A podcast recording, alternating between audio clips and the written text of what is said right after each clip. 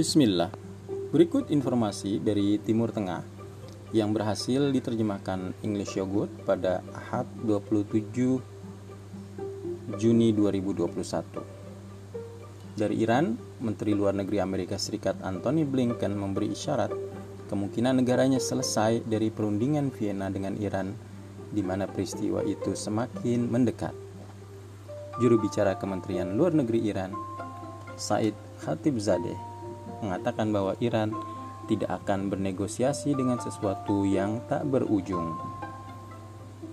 NBC Network mengutip mantan petinggi Amerika Serikat yang mengatakan bahwa pemerintah Biden sedang mempertimbangkan untuk mengangkat sanksi terhadap pemimpin tertinggi Iran sebagai bentuk keseriusan terhadap perundingan nuklir. Dari Afghanistan, sumber pemerintah Afghanistan menyatakan kepada Al Jazeera bahwa sudah 30 orang yang terbunuh dan 40 orang lebih yang mengalami luka-luka dalam satu pekan akibat pertempuran antara pasukan pemerintah melawan Taliban di Kunduz. Sumber keamanan mengatakan kepada Al Jazeera bahwa jatuhnya korban meninggal luka itu dikarenakan bom yang dijatuhkan di Kandahar, selatan Afghanistan. Taliban mengatakan bahwa pihaknya berhasil merebut banyak wilayah tanpa adanya perlawanan dari pasukan pemerintah. Taliban mencela pengeboman yang dilakukan oleh Amerika di beberapa wilayah Afghanistan. Dan Taliban menyatakan Amerika Serikat bertanggung jawab terhadap berbagai serangan ke wilayah-wilayah tersebut.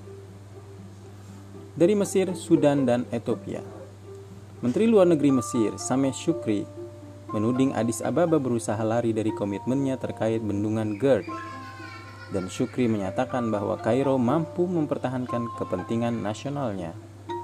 Syukri mengatakan bahwa negaranya terus berkomunikasi dengan Dewan Keamanan PBB, Uni Afrika, dan utusan Amerika Serikat untuk mencari solusi bagi jalan keluar secara diplomatis.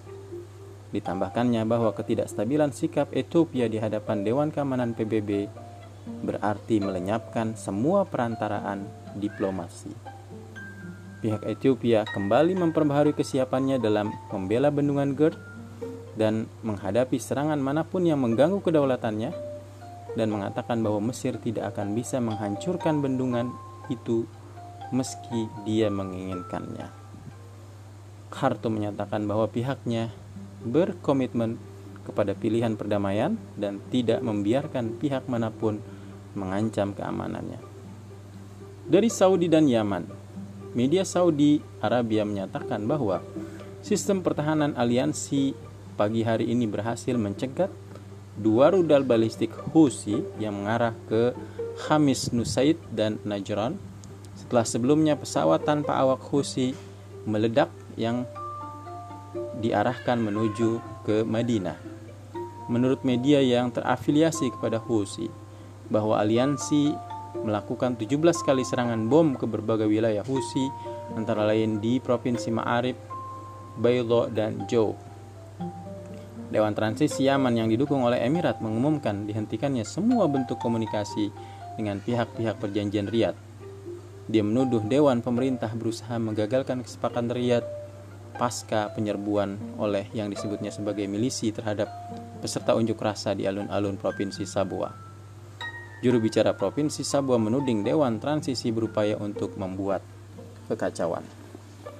Demikian informasi dari Timur Tengah untuk kesehatan tubuh Anda jangan lupa minum English yogurt setiap hari.